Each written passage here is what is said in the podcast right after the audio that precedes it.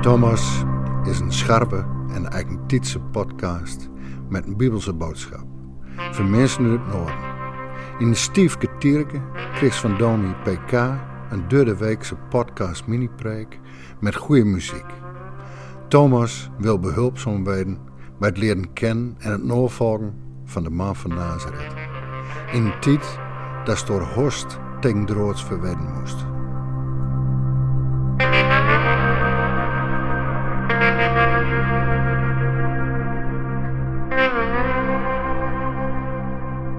Op onze planeet leven meer dan 7 miljard mensen, verspreid over 7 continenten. Maar volgens de internationaal bekende theorie van Six Degrees of Separation zal elk mens op aarde slechts zes stappen of zes keer handen schudden van elkaar verwijderd moeten zijn. Dat betekent dat je door vrienden van vrienden, kennissen van kennissen, in verbinding staat met iedereen over de hele wereld. Zo ben je altijd binnen zes keer handen schudden, in contact met je favoriete filmster, wereldleider of juist iemand die leeft in het regenwoud of op een afgelegen eiland. Is het dan niet vreemd dat het onmogelijk lijkt om de hand te schudden van een religieuze grootheid, beroemdheid als Jezus Christus? Hoeveel stappen zijn er nodig om met Hem in contact te komen? In deze podcast hoor je over het directe contact wat je toch met Hem kan hebben. Sterker nog, Hij wil zelf direct met je samenwerken en is door de geest slechts één handdruk van je verwijderd. Ook zal je ontdekken wat het betekent dat Hij aan de rechterhand van God zit. Het thema bij deze podcast is meewerken met de rechterhand van God.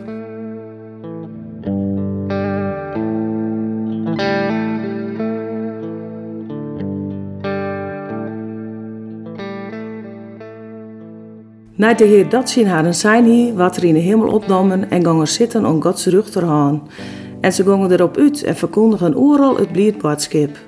De Heer hulp harren en joegen het krijft, troch de wonders die daarop volgen.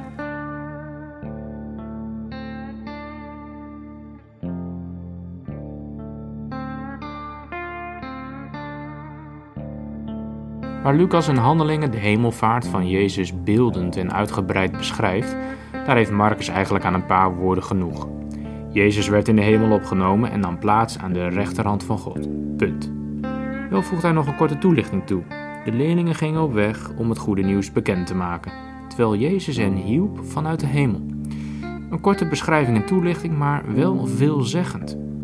In het vervolg pik ik er twee elementen uit: wat dat meewerken inhoudt en wat de term rechterhand van God precies betekent.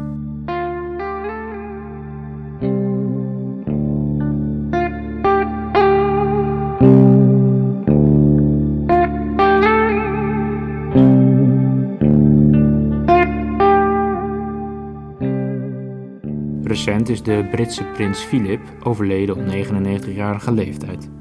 Wat opviel in de berichtgeving was dat hij werd omschreven als een belangrijke steunpilaar en rechterhand van zijn vrouw koningin Elisabeth.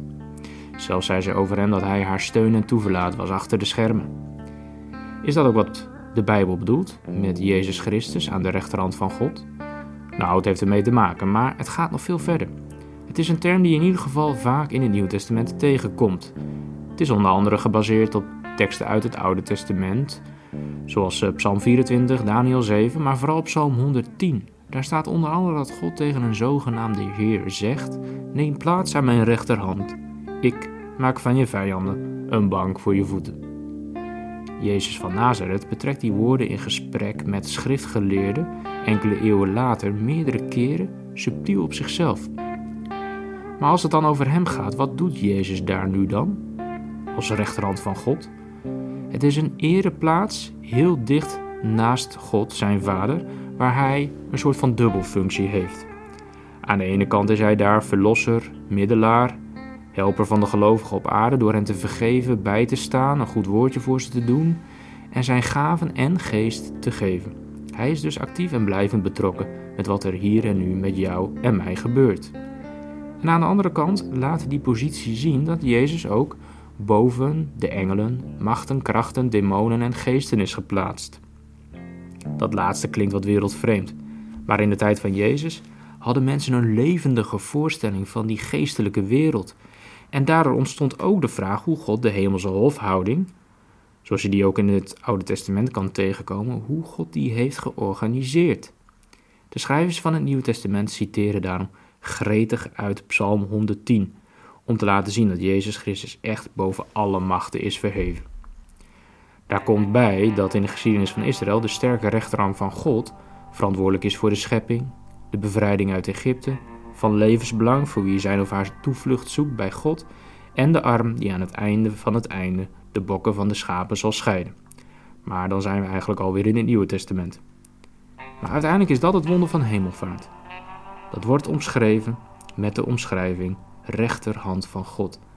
Het wonder is dat Jezus aan de enige God gelijk is, deelt in zijn identiteit en taken, en dus net als God de Vader regeert.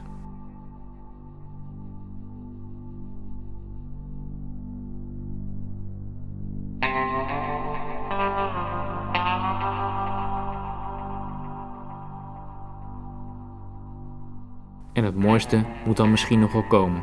Want in het Evangelie van Marcus kan je lezen dat die koning op die bijzondere positie aan de rechterhand van God met jou wil samenwerken. Hij in de hemel en jij op aarde. Dat is iets om je stil over te verwonderen.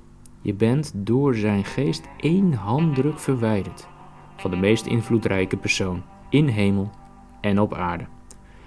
Ja, het is eigenlijk nogal wat om daar je schouders over op te halen. Maar hoe werkt dat eigenlijk?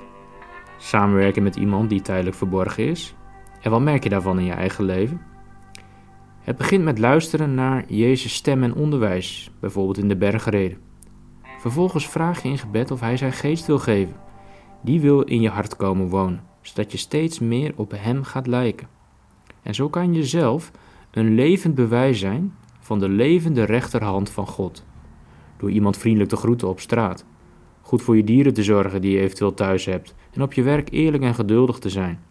Zo werk je samen met het plan van God om het goede nieuws over de hele aarde te laten gaan.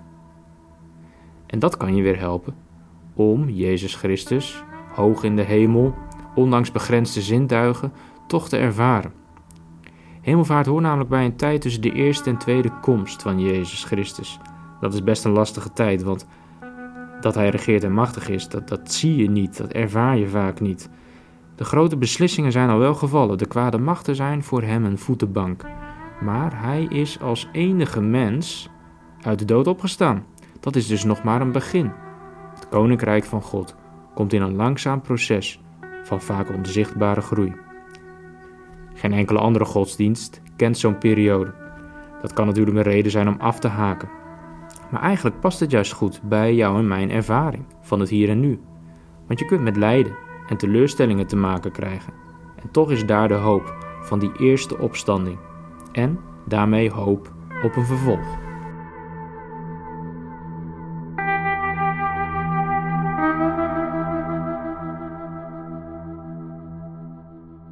Sinds hemelvaart kan je samenwerken met de rechterhand van God. Door de geest ben je niet zes, maar slechts één hand verwijderd van de meest invloedrijke persoon in hemel en op aarde.